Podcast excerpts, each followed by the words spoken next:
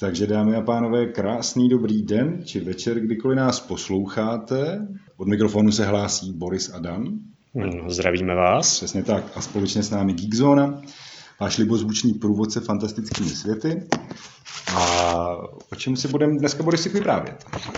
No, budeme si dneska vyprávět o sérii Koločasu od Roberta Jordana. A hlavně o její seriálové adaptaci. Přesně tak. Přišlo teďka na Amazon. Nás to může blažit z mnoha tisíce důvodů, přičemž kromě toho, že eh, se díky tomuhle a díky Amazonu dočkala nějaký způsobem adaptace jedna z nejlepších prostě fantazisák všech dob, tak nás může blažit i to, že se tak stalo v podstatě v České republice, z velké části, z obrovsky velké části, jak si posledně řekneme. Ale začneme těma knihama a já se tě na začátku, Borisy, zeptám na takovou malou levou. Hele, Eh, co Robert Jordan, respektive Kolo času a Tolkien? A rovnou řeknu, proč se ptám. Eh, tahle ta série jako cyklus prostě čítá neuvěřitelné množství knih. Speciálně první kniha, tuším, jak se to jmenuje, Oko světa. Oko světa, Oko no. světa no. je poměrně velkou výzvou z toho důvodu, že hodně lidem zavání Tolkienem. Nicméně, jak se posledně ukáže, velký opak je pravdou, prostě pana profesora to moc následovat nebude. A my si teďka o tom právě můžeme říct víc, aby vás to nezastavilo k četbě, protože byste se opravdu hodně ochudili, pokud Roberta Jordana neodevřete. Uh, jasně, takže já jenom jako zmíním ještě takovou jako věc. My, když jsme se tady na to připravili, tak uh, jsem ti říkal, že vlastně Amazon dělá sérii malých animovaných videí, které jsou jako něco jako Legacy mm-hmm. nebo prostě Origins uh, kola času. Je to tak? A kromě toho tam má jako krásný ještě další bonusový videa, kde kromě jiného třeba uh, dělají rozhovory s uh, manželkou Roberta Jordana. No jasně nebo s Brandem Sandersonem. A Brandon Sanderson jednak byl velký fanda Roberta Jordana, jednak vlastně poslední tři knížky dopsal po jeho smrti. Těch románů je dohromady kolik? 16 nebo 14? Uh, celkem je těch knížek 14, ne, klasická on, on jich napsal, myslím, 11 Robert Jordan. Ano, 11 a, a tři jsou jasně, od, jo, Jordan, 14, od jo. Eh, Sandersona. Jo, jo, pardon. S tím, že Jordan teda ještě napsal jeden knižní se, uh, prequel, který měl být jako první ze tří, ale k těm zbylým dvěma se nenašly ani žádný poznámky, takže to je vlastně jako mrtvý projekt. Nicméně Sanderson v tom jednom videu právě jako říká, že dneska si málo kdo uvědomuje, jak moc byla ta 80 fantazy eh, ve stínu Tolkiena. Uh-huh. A že Robert Jordan je jeden z prvních, který ukázal, že nejde o to pořád variovat ten Tolkienův příběh, ale spíš se zajímat o to, jak to ten Tolkien dělal a jak, eh, proč vlastně je ta jeho trilogie pořád tak působivá, což se asi jako nejvíc, nebo hm, na první pohled pozná podle té hloubky světa, který kolo času má. No, Protože když se s kýmkoliv budete bavit, tak si myslím, že právě jako v první chvíli vám zmíní ten svět, který je prostě mm. neuvěřitelně bohatý, je tam spousta detailů, jako bych řekl ještě víc než v Martinově hře o trůny, která je vlastně těm detailům celá věnovaná, když no, jasně, nějaké ty jeho doplňkové texty. No ne, fakt, že ta první kniha jako vlastně je, řekněme, takový ten počáteční iniciační román, že jo, je to vystavěný na té klasické high fantasy kostře, kdy prostě skupinka nějakých hrdinů, který nejsou moc očekávatelný, se vydává někam po cestě, prostě něco zažívá, vede to k nějakému souboji, ale řekněme, že to je prostě jako taková jako asi žánrová zásada, který se dá v mnoha ohledech těžko utíct. Ale zatímco prostě třeba řekněme první kniha z Shanary je vysloveně jako vykradený Tolkien, je to fakt plagiát. Tohle není. Tohle to jako má velký specifika a mimo jiné jedno z těch naprosto obrovských specifik, byť třeba speciálně v tom seriálu to možná ještě víc akcentovaný než v těch knihách je, že ten svět, ve kterém se to odehrává, je z nějaký části náš. Jak, jak bys tohle popsal? On je to takový jako Sám, sám Jordan to prostě popsal poměrně dost nejistě, ale prostě pravda je taková, že se nacházíme, ale přitom nenacházíme ve fiktivním světě. Ale na férovku tady to řešil právě tebou zmíněný Brooks, že jo, který potom teda vlastně už v prvním tom Shanarově meči jako říká, že vlastně Shanarův meč se odehrává v postapokalyptické budoucnosti. No jasně, ale... No, no. Ale Jordan ten na to šel trošku jinak. Jako já si něco jako přečtu. Kolo času se otáčí a jak věky přichází a odchází, zanechávají po sobě vzpomínky, z nich se stávají pověsti. Pověsti vyblednou v mýty a dokonce i mýty jsou již dávno zapomenuty, když věk, než je zrodil, znovu nadejde. Tato tak dále, věta tak mimochodem provází celý tenhle ten cyklus, jako, nebo přinejmenším v těch Každý knížce by měla být a potom vlastně na konci. Je to úvod první kapitoly, no. Tak, jasný, no. no. A je to krásně, jako, že vlastně vždycky jako říká, že kolo času nemá počátek ani konce, hmm. ale něco byl nějaký začátek a potom vlastně na konci se řekne, ale to byl nějaký konec. Dobrý. Eh, každopádně prostě eh, my se pohybujeme v takzvaném třetím věku, A existuje teorie, že jeden z těch věků, kterých má být celkem sedm, je jakoby naše současnost. Eh, protože i v eh, kole času se prostě objevují různý zmajinky o tom, že vlastně lidé byli třeba na měsíci, dokázali cestovat mezi hvězdami, ale teď je to prostě ten typický fantasy setting, kde jde o tu magii, nějaký, ne ani tak jako středověký uspořádání společnosti, ale spíš už jako raně novověký, protože ten Jordan to trošku posunul. On mimochodem vlastně i psal uh, dobrodružný historický mhm. romány, mm.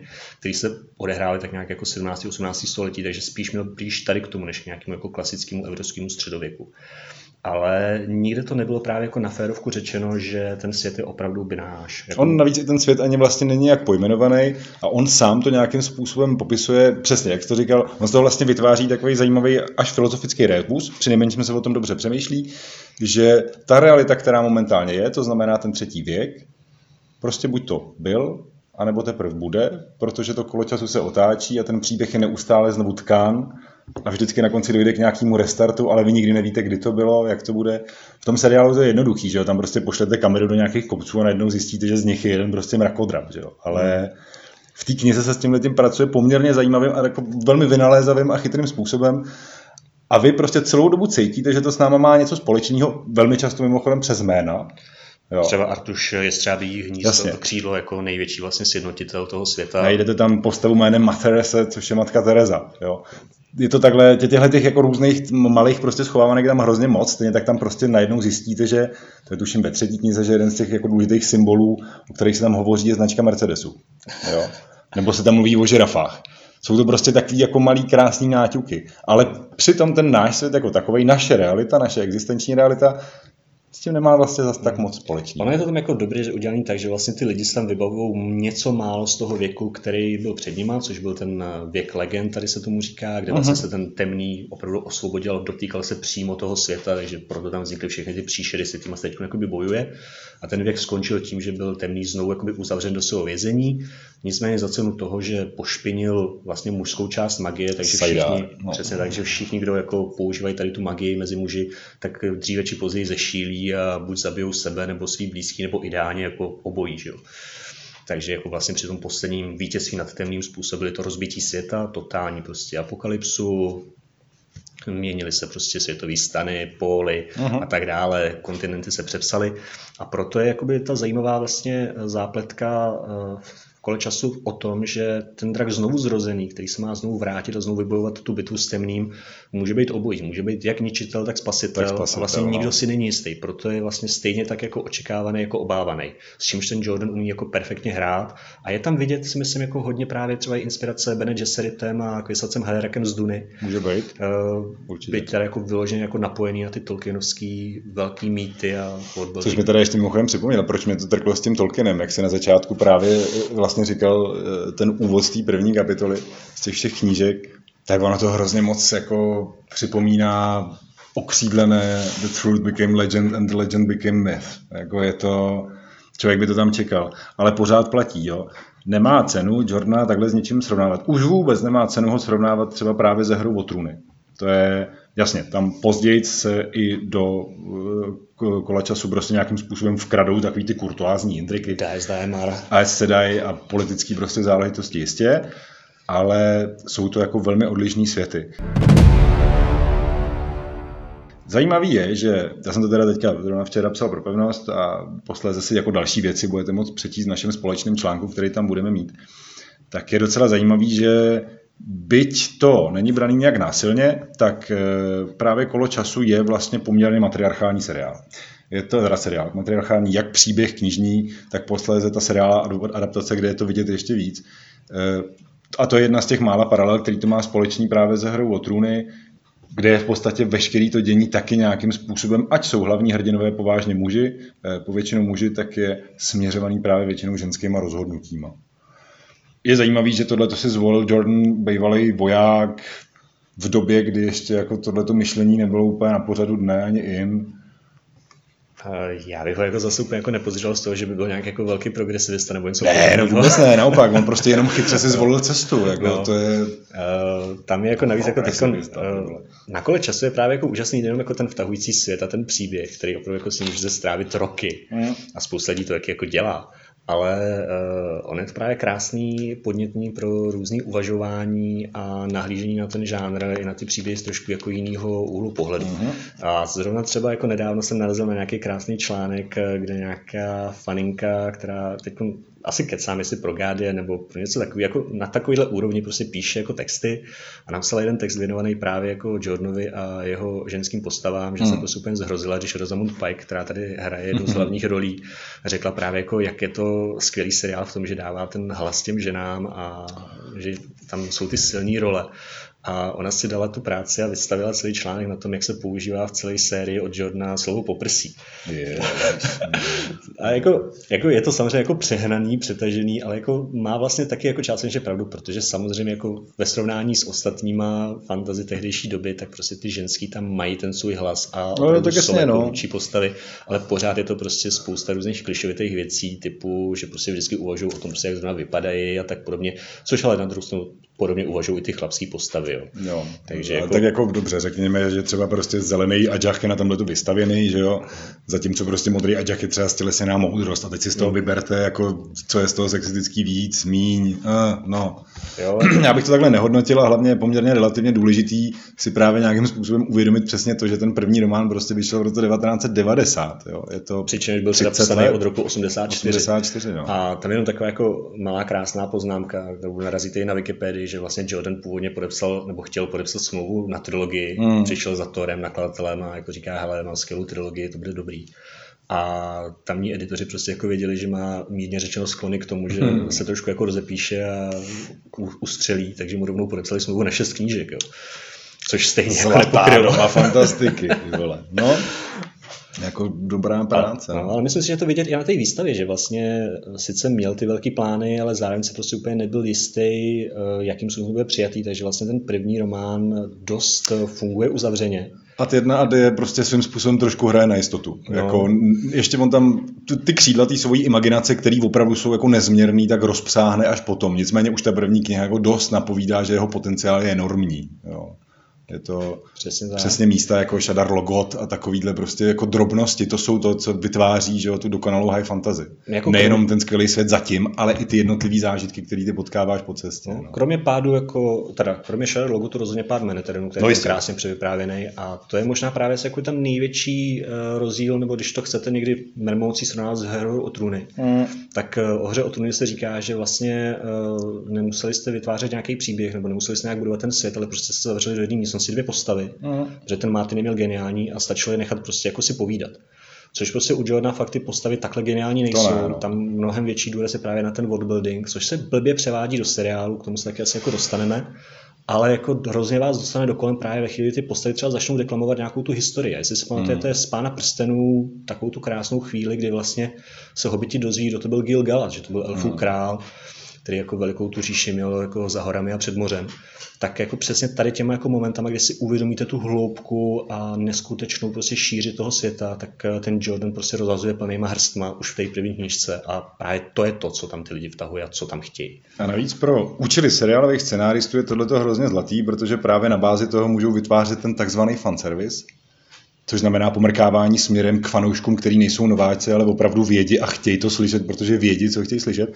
A je zajímavý, že byť v tom seriálu těchto těch cen zatím není tolik, tak tam jsou. A jedna z nich mimochodem je právě přesně ta naprosto neočekávaná, v seriálu neskoro nevýdaná, v takovémhle seriálu jako sekvence, kdy o AS Sedai, nebo Moiren Sedai prostě odjíždí s těma, to tuším ve druhém dílu, nebo v čem to je, hmm. s, s těma mláďatama z toho dvojříčí a právě jim vypráví o pádu Maneternu a to je o tom, že prostě oni jedou čtyři minuty na koních a ta kamera se z nich nehne a ona jenom mluví. Čtyři minuty v kuse mluví. A je to možná právě jako ta scéna, kdy jsem si řekl, že tenhle seriál nebude průser. Hmm. A je to bomba, protože v té knižce je to vlastně udělaný trošku jinak, je to opravdu až jako divadelní, že hmm. tam je to jako ještě udělaný ve vesnici, odkud vlastně mají odjet, těsně po útoku těch monster temného, hmm. takže všichni se tak jako obrací pro tej Moirain, jako co si to sem přitáhla, jako to je tvoje chyba a ona se tam postaví a začne jim deklamovat tu historii vlastně jako jejich místa, jako no, jejich jasně. krve. A a v podstatě donutí se stydět, ale zároveň prostě opravdu jako předvede, co ten svět je a co ona jako umí. A tady to udělají krásně jako komorně vlastně, hmm. ještě to navážou na to, že vlastně jedna z těch postav uh, začne jako zpívat takovou tesknou no, písničku jasně. o ztrátě domova a pak řekne prostě, já ani vlastně nevím, co ta písnička znamená, protože je to stará písnička tady jako z zdejšího kraje, ale prostě to zpíváme, aniž víme co. A ona jim to řekne právě, jako to je tohle, to je to prostě to, že před tisíci lety se tady staly tyhle a tyhle věci a jako plačte pro to, co bylo ztraceno, jako plačte pro Manhattan. A fakt je to výborný. Mimochodem Rosamund Pike vlastně uh, hlasově uh, je fakt boží a mm. ne nadarmo teď s ní podepsali smlouvu, že vlastně natáčí audioknihy celý jo, jo, je to přesně tak. No. A mimochodem právě ten pád Meterno, což je docela zajímavý, protože se to objevilo, jak jsme říkali, teda už v tom bonusovém eh, přidaném matroši, který teda bohužel uvidíte hlavně na Amazon Prime, protože jako jinak samozřejmě je to jako exkluzivní materiál, taky blbě dostupný, ale v takových různých výřezích jo, ho můžete potkat i na YouTube a takhle. Jsou to většinou pětiminutový, kratší. Dvě a půl, dvě a půl. Jo, já myslím, že právě ten Manhattan byl pětiminutový, nevadí. Krátký prostě animovaný diásky, podle mě každý z nich dělá úplně jiný prostě umělec, protože všechny mají jako jiný feeling, jenom všechny jsou jako řekněme takový jako syrovější. Rozhodně si dejte ten čas, abyste to viděli. Za prvý vás to opravdu připraví dohromady zatím asi o 10 minut života.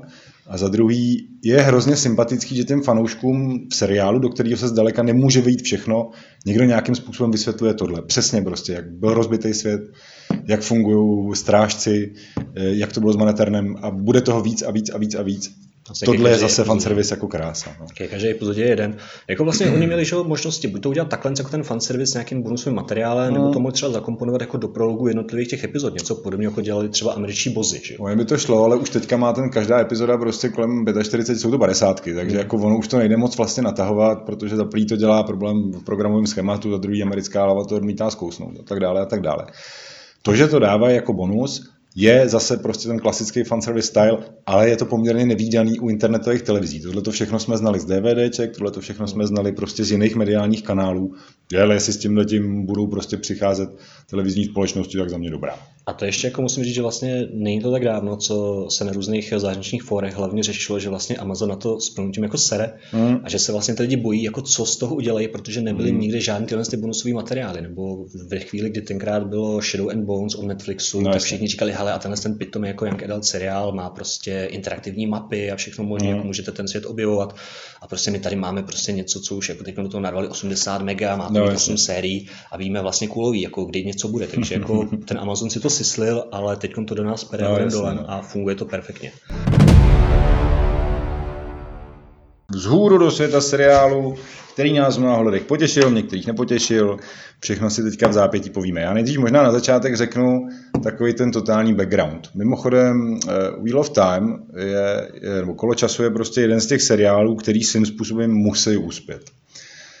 Amazon e, není momentálně rozhodně v pozici hráče mediálního, který by tahal jako za tlustý konec provazu.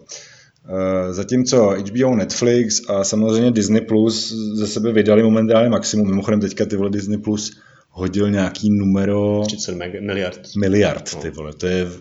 A to se bavíme o příštím roku. Prostě na příští rok tyhle Disney Plus ten tak mírný týdnech prostě hodí vzduchu 30 miliard dolarů za svůj nový Eh, momentálně vytvářený obsah. Dě, děkujem. Já jsem doufal, že to bylo v korunách, ale jestli je to v dolarech, je, tak jako... Je to v dolarech. Tak. Je to v dolarech a není to špatný. Chci pracovat v Disney. no, ale blbé vidět na tom to, že Amazon jako takový, kromě vlastně C, teď se teda bavíme samozřejmě jako o našich oblíbených žánrech, tak momentálně do té kasičky jako ničím zatím nepřispěl a i to C je prostě nějakým způsobem dost kontraverzní záležitost. Za prvý. Za druhý, Eh, samozřejmě, jak všichni víme, tak oni se naložili soustíčko soustíček, to znamená, že chtějí prostě nějakým způsobem natočit pána prstenů. Eh, na respektive... se hrozně těším, jaký to bude průs. Já, já se modlím, aby to bylo dobře. A mimochodem, já, i právě jak jsme se teďka před chvílí bavili o tom, že eh, to kolo času není imunní vůči tomu fanservisu, to je vlastně ta jediná cesta, jak prostě získat ty fanoušky pána prstenů na svou stranu, že? protože na tom to prostě vystavil i Peter Jackson. Já, já jsem právě jako zvědavý, jako nakolik těch Amazonů třeba použít už vlastně pro účely toho filmu vytvořený kulisy, návrhy nebo hlavně třeba jazyky. Já se...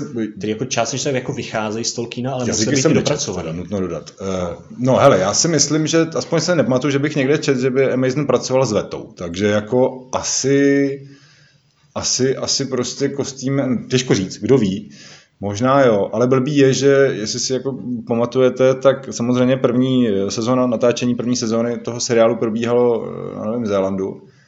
Nicméně pak došlo k tomu strašnému průšvihu, který už teďka ten seriál nějakým způsobem prostě ty fanoušky vytočil do bezvědomí, aniž by ještě byl vysílaný. A to je kvůli tomu, že Amazon přetahuje ve svou většinu svých nějakých aktivit zahraničních do Londýna, respektive do Anglie. A přetáhli i tam natáčení toho Pána prstenů z toho Nového Zélandu.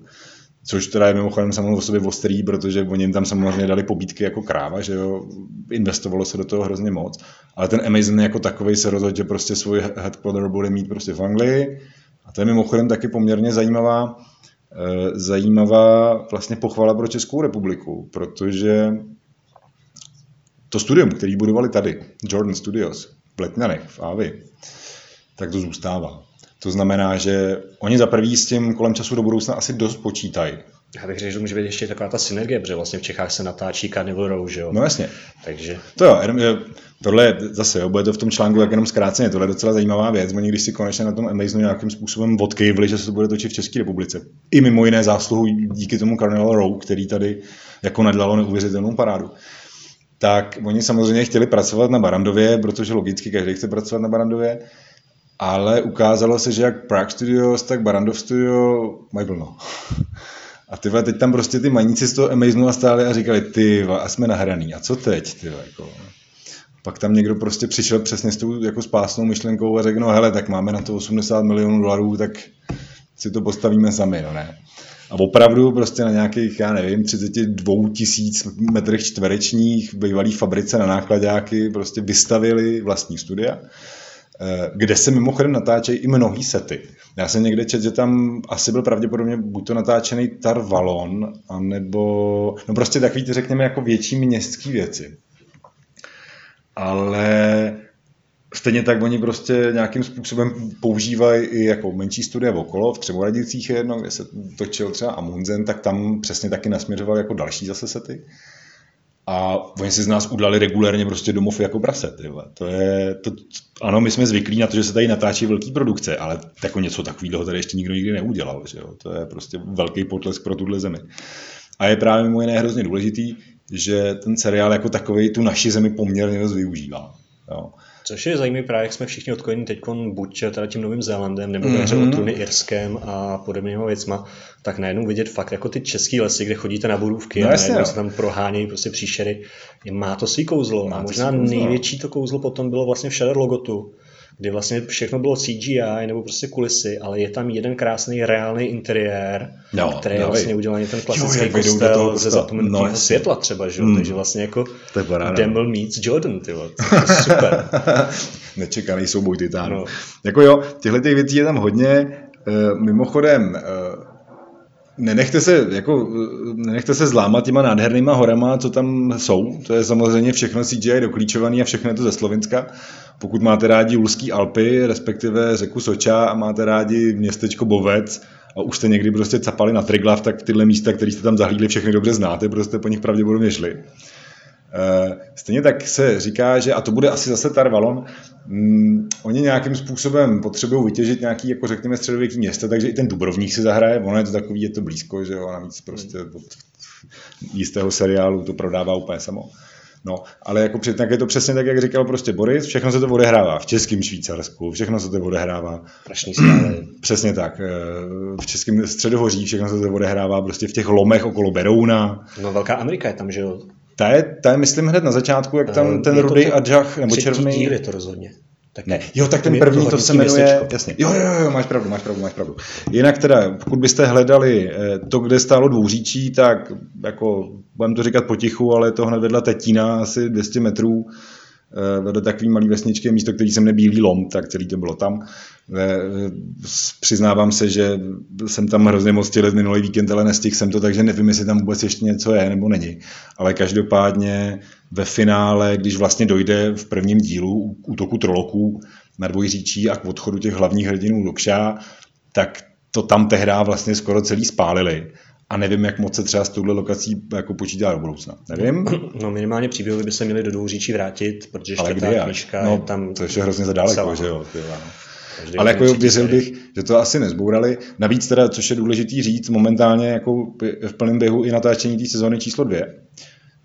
Ne, že by se tady ta jednička neužila svoje, že jo, oni se sem prostě nakýblovali někdy v listopadu roku 2019 a za čtyři měsíce dostali na ruku Trum, takže jako covid prostě prošel a řekl, tady se nic točit Tak zase na druhou stranu Rosamund Pike tady zažila krásné věci, například jako její slavný, ne, hlavně její slavný jako rozhovor prostě o čem byla v Českém Krumlově, že tam její děcka viděli nejožralější lidi jako ever a že se od té doby nějak jako chtí hrát na ožralé lidi, kteří se vyválili z těch lodiček. takže Česká republika byla velmi, velmi slavná. Jsme slavní, to je stejně, když tady Orlando Bloom vykukuje, ukazuje svůj nahatý zadek, když se chodí koupat někam do řeky. Ty vole, no. Česká republika je vždycky vítězí. No. Země příběhu. No. no, jasně, no.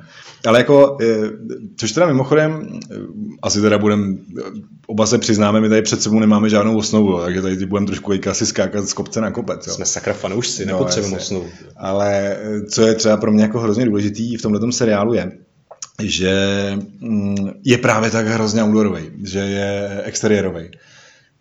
Vždycky, když tam objevíte nějaký moc interiérové scény, ať to je prostě, já nevím, v tom douříčí ta Mikev, že jo, kde se tam máchá ta Niniva, nebo ať jsou to prostě různé věci, smrdí to. Já si nejsem jistý, jestli u nás ty jako exteriéry umíme dělat jako dost hezký na to, aby to furt nevypadalo jako z hvězdní brány. Jo.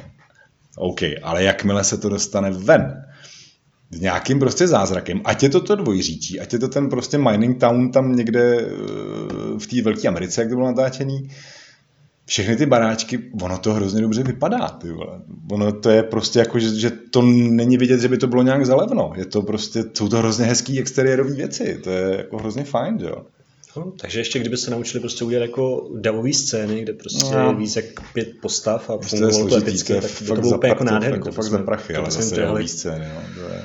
Zase bylo to že ten krásný článek, já jsem to nějak přeposílal, bo to byl vlastně jako status, eh, že vlastně sice všichni si říkáme, že to bylo tak jako 10 eh, mega za epizodu, ale že to je mm. vlastně jako souhrný budget za celou no, sérii no. a že prostě ty prachy tam potřebujete nějakým způsobem eh, rozložit, že třeba jako hra o turny v tomhle měla trošku výhodu i v tom, že vlastně pořád ty sety točila, jasně. pořád dokola, Samozřejmě. takže ty budgety potom mohly narvat do jiných věcí. Tady přece, jak je to putovačka, tak eh, prostě už v té první sérii máte dvakrát víc jako scenérií a vlastně uh-huh. settingů, než byly v, třeba ve dvou, třech sériích hry o trůny. To je velká pravda. No. Takže je to vlastně trošku, teď to vypadá pořád trošku televizně, fakt jako česká televize stále nějaký jako odpolední inscenace, ale je tam ten potenciál, že se to bude zlepšovat.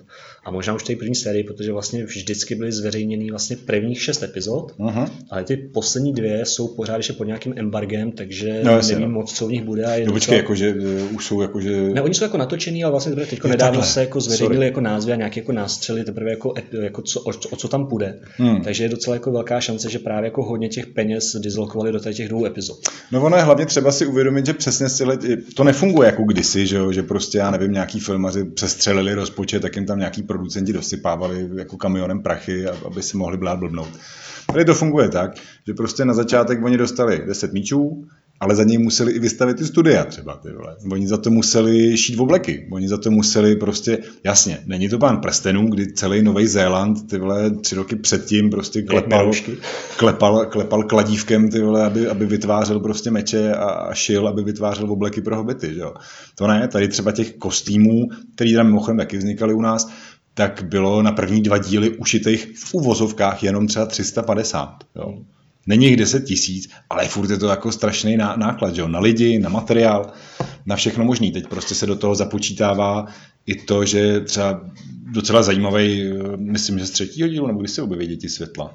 Uh, možná už ve druhém. Jako už ve druhém, já, mě, mě, to trošku spídá to prostě nejsou vůbec špatný kostýmy. Oni dokonce ani ty troloci ve výsledku jako nevypadají tak blbě, že on se toho každý dost bál. hlavně mají fakt jako ty kozlí nohy divně. No jasně no, a vypadá to hezky a je to prostě kombinace klasicky. Jo. Tady UPP tady se zase mohla přetrhnout na digitálních efektech, ale polovina z těch věcí, které vidíte, je ten Jackson, je to prostě reál. Ty vole. Jsou to masky navlečený na živý lidi, to je super. A což jenom jako bych fakt jako zaťukal, že je výborný. Já teda ty děti času jsem z nich trošku jako rozpačitý, pořád mi to připadá spíš jako nějaký cosplay, než jako reálně no, jako armáda. Protože ty vole, když vypadáš jako Ku Klux Klan, tak nemůžeš jezdit na žehlenej, že jo? To je, oni jsou všude bílí, ty vole. No ne, ale oni tam taky ty jako divný jako výrůstky no. a tak, že to fakt vypadá prostě spíš jako, že jdu na nějaký divný bál, než no, jako, že by reálně jako válčili a tak. Ale je tam třeba nádherná věc, která je si myslím jako naprosto levná, ale uh, Rand Altor, což je jako v knize vlastně hlavní uh-huh. postava, tady se okolo toho tak opatně chodí, protože to chtějí nechat pořád ještě otevření pro ty, kteří ty knížky nečetli. Uh-huh. Možná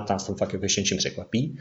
Tak uh, mu v té knížce říkají ovčáku, protože prostě jo. jeho táta prostě že ho dělá. Byl to Shepard, no, no. Emondova role byla, no. že jo, to je a místo, on má fakt jako krásný sovčí vlny svetr. Má, no, no a je to, to fakt prostě jako boží, jako to se to není jako středověký háby, který si jako random představíte, ale je to prostě něco, co opravdu jako absolutně logicky vyplývá z jeho postavy a z toho prostředí, kde žije. A to je přesně ono. A z toho prostředí nejenom ve slova smyslu, eh, že se prostě jako ocitáme někde, ne, ne že by teda v té Emondově roli strávili nějak moc času, tam prostě jako jsou asi 6 minut, než tam a bodnou, že jo, ale, ale já si nějakým způsobem myslím, že tohle je možná právě trošku poukázání na to, na tu spojitost toho našeho světa a toho jejich světa.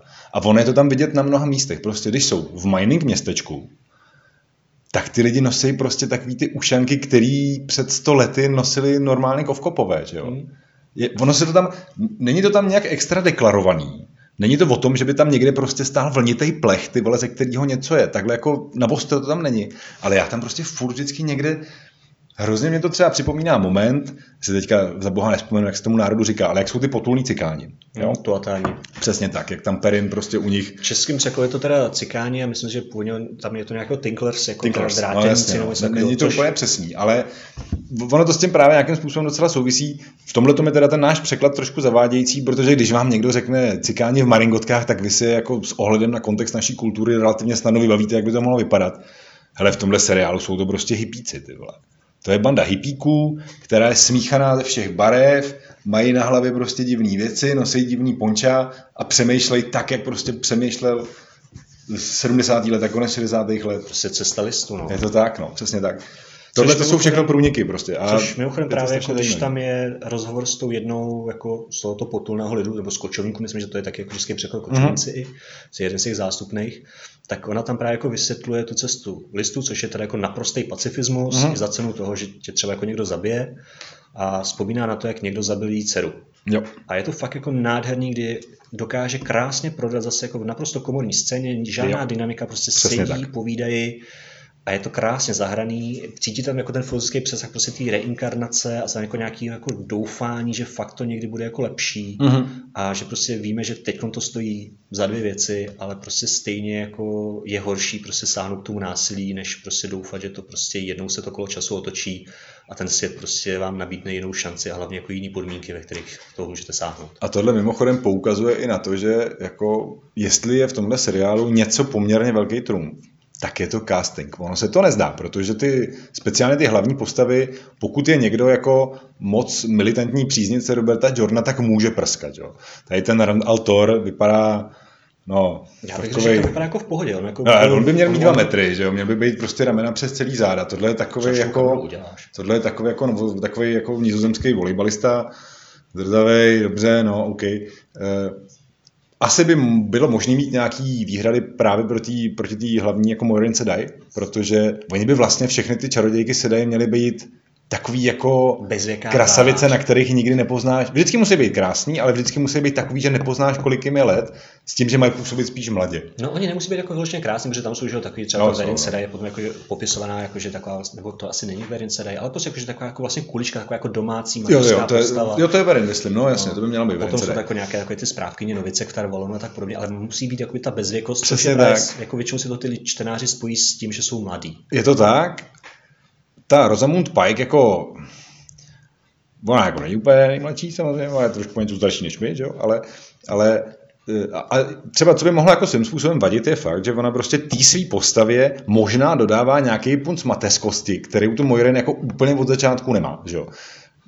Když začínáte prostě číst kolo času, tak byste měli společně s Randem trochu váhat, jako jaký ty sedaje vlastně jsou, protože oni jako sice na jednu stranu chránějí a nelžou a nezabíjejí, ale na druhou stranu jsou to prostě jako pěkný mrchy a každý ho využívá a nikdo moc neví, jako co s ním. Já bych tě tady jenom zastavil, jako když říkáš, jako, že nelžou, tak je důležité jako zmínit jednu krásnou věc, že prostě ty AS se dají, oni dobře formulují. Tak, ano. aby, aby se jich jako lidé nebáli, tak vlastně se zařekli, že už nebudou používat tu svoji magii, tu jednu sílu hmm. uh, jako zbraň. A aby prostě jako ty lidi o tom přesvědčili, tak mají takzvané tři přísahy a ty tři přísahy říkají prostě nepoužiju právě jako z, uh, jednu sílu jako zbraň zbraně nebo k výrobě zbraně. Hmm.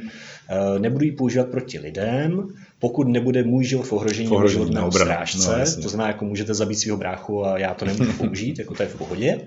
A třetí tam je, jako nebudu mluvit eh, lež, budu prostě vždycky mluvit pravdu. Jo, ale prostě jako to, co slyšíte, jako nemusí být vždycky ta pravda, kterou si jako říkáte, a, nebo jako kterou si myslíte, že slyšíte. Takže jako je to tam krásně vlastně v té knižce jako rozpracovaný. A mimochodem tohle je vlastně krásná scéna v tom seriálu, kdy mm-hmm. oni opravdu poprvé potkají ty děti světla. Yep. A tam je takový jako u nich zvláštní řád, který já jsem si vždycky představil jako inkvizitory. To oni v podstatě tazatele mají být inkvizitoři, jenom takový ostřejší. Ale vlastně no. v tomhle seriálu to vypadá, že jsou to opravdu jako tazatele, že vlastně dělají takový jako Turingův test z Blade Runnera.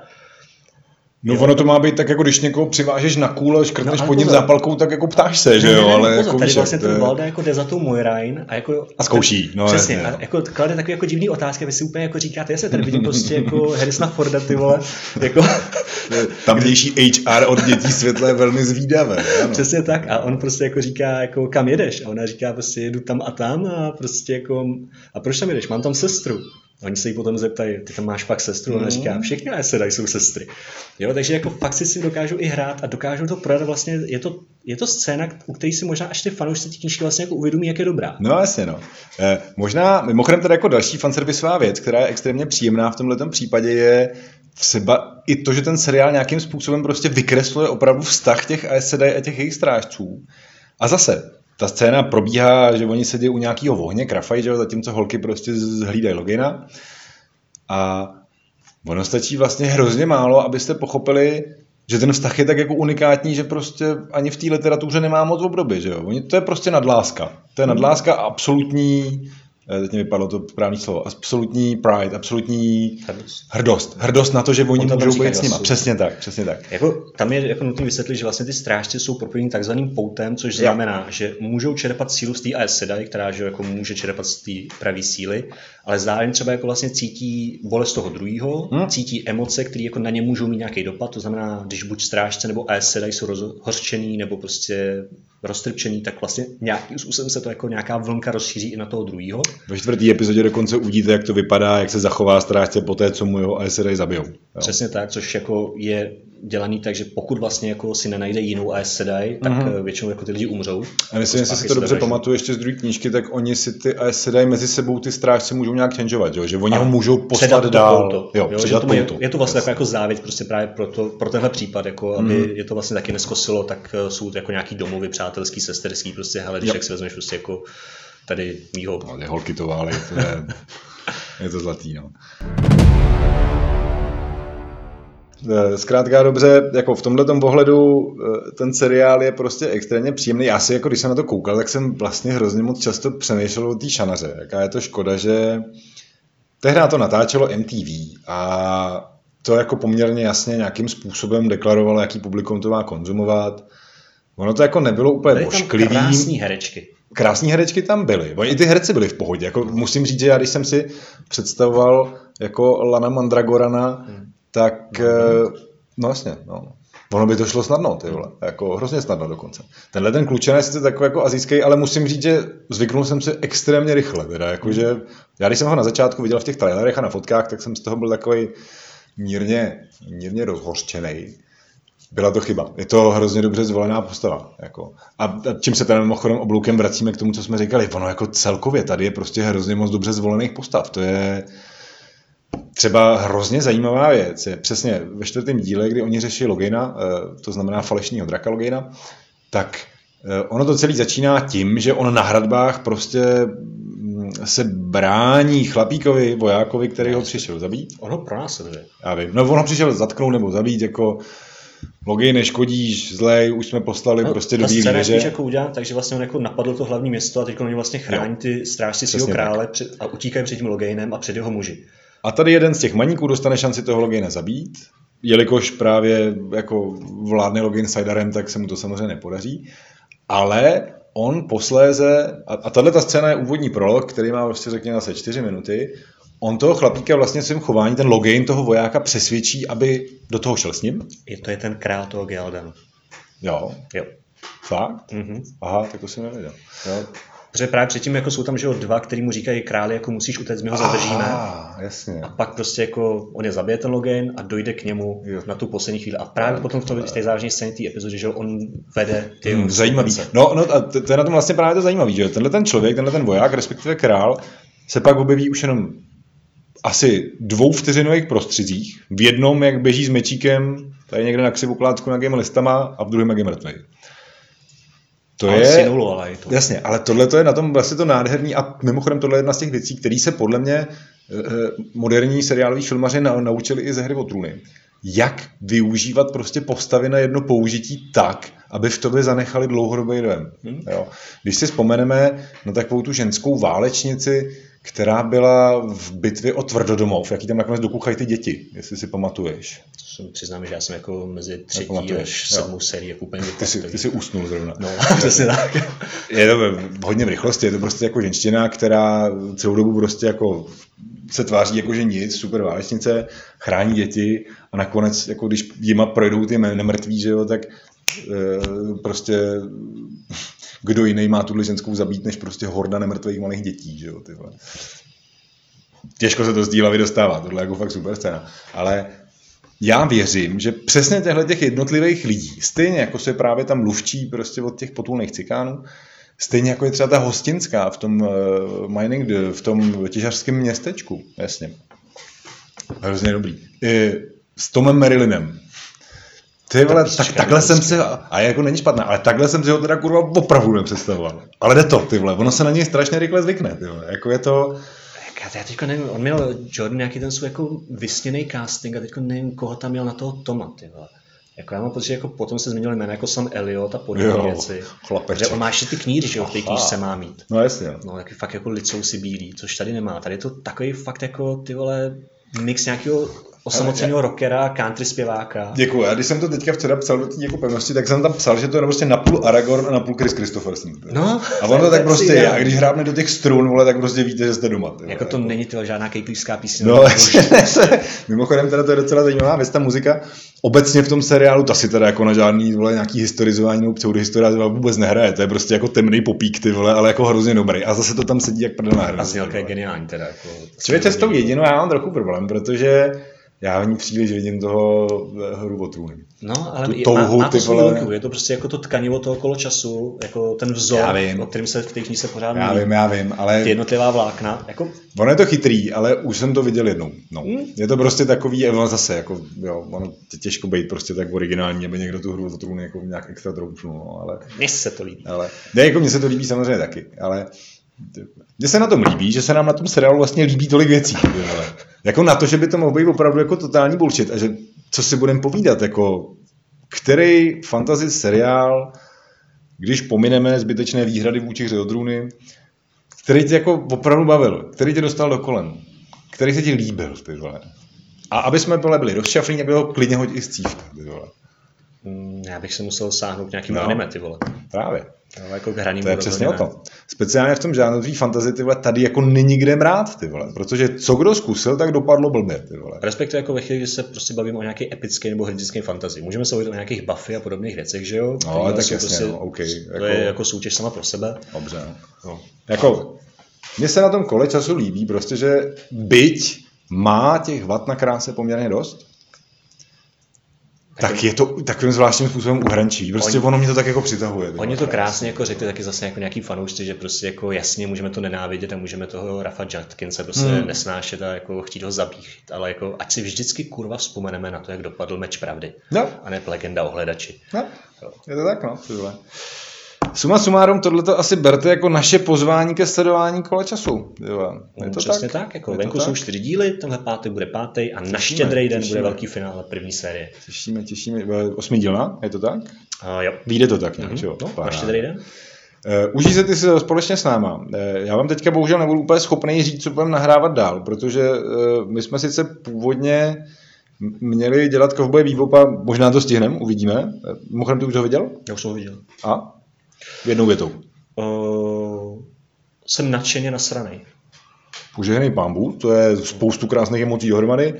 Eh, pak jsme si ještě pomýšleli teda na, na krotitele duchů, ale nutno dodat, že eh, ze zahraničí se k nám zatím nelinou nějak vábné recenze, takže se na to možná vykašlem. Spíš tak bylo pozitivní, ale myslím, že premiéra je nějaká až v lednu u nás. U nás jo, u nás je to až za díl, ale což teda mimochodem já doufám, že nám to všem vyjde. Budu si slibnit, že to vyjde, ty vole. Slibuju, bez problémů. Eh, Jak jistě víte, vlastně někdy v prvním nebo druhém týdnu ledna roku 2022 to bude přesně 20 let, co je u nás pán prstenů. Já bych si moc přál, aby jsme si dali jedno session třeba klidněji ve všech lidech jenom na tohle téma. Já jsem měl pocit, že vlastně ty všechny výročí jsou letos. V Americe. U nás to přišlo až po novém roce. Měli jako spožděný, jasně. Proto je to až v lednu, že jo? Nebo respektive jo, ne až v lednu, ale jako v lednu. Jo, jasně. Jak, prostě v zemí původu, jak Harry Potter, tak eh, hra o trůny, ne, hovno, pán prstenů. Mimochodem, jsem... pán prstenů, myslím, za dva týdny, za 19 dnů se bude slavit ten den, když šel poprvé do kin. No. Před 20 rokama. Ale jako tenhle ten rok vlastně byl hrozně silný na tenhle výročí, protože jak ty říkáš, jako Pán prstenů, Harry mm. Potter, a kromě něho trošku jako nezaslouženě zapadlo, že je to 50 let od chvíle, kdy vyšel první román Terryho Pratchetta. No, ty vole, což teda mimochodem, eh, že, že se teda ještě tak jako nenápadně vracím ke kolu času, jo.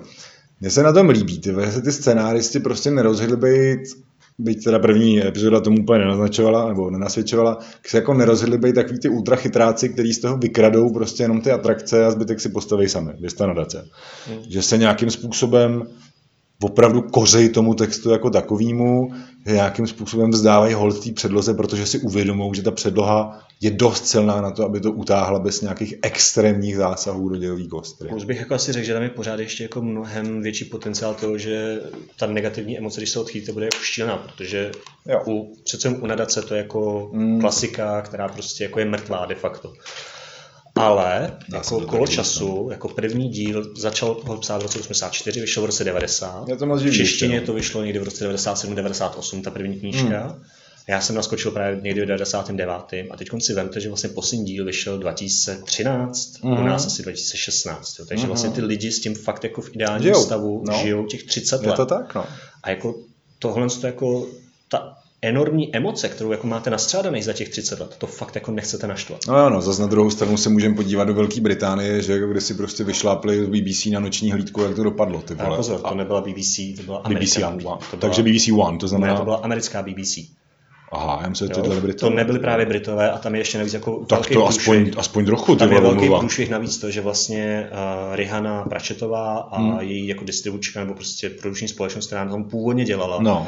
byla postupně během té doby natáčení úplně jako odsunutá. No, Fakt jako asi dost asi hnusný vztahy tam panovaly hmm. a vlastně při premiéře tak uh, showrunneři vůbec nepoděkovali Pračetovi nebo jako rodině Ty vole, za to, no, takže jako to, to je fakt jako projekt, který jde úplně stranou, jako fakt jako bych no, do toho i na, a jako i na Amíky tohle to drzí až moc, jo, ty vole, no. jako to je, já nevím samozřejmě, jak má tedy pračet postavení v Americe, ale očekávám, že aspoň trochu nějaký má, že jo, tohle to je, tak to jako, jako regulární zvůle. Ty vole. Patrick Rothfuss třeba jako vzpomínal, že vlastně hmm. jako když objevil Terryho Pratchetta v knihkupectvích, tak to pro něj byla zpráva o tom, že se může fantazi živit, protože to byl i v Americe vlastně jako jediný autor, který měl svoji vlastní poličku. Host. A jako byl prostě ta ukázka toho, hele, budeš sice dělat takzvaný fantasmagorie, všichni si budou smát, ale vyděláš si prachy, kurva. okay, no. Takže no. jako Ok, ok. Dobrý hele, hele, přetahujeme, ty hmm. přetekáme do basketbalu. Eh, Boris, byl si báječný, jako vždy. Ty taky. Já vím, proto to říkám. Že jo. Eh, mějte se krásně a budeme se těšit teda co nejrychleji u nějakých dalších dílů. Eh, a je to tak, no. Hmm? Tak buď dobrý, Borisy. Ty taky buď dobrý a všichni buďte dobří. Buďte dobří.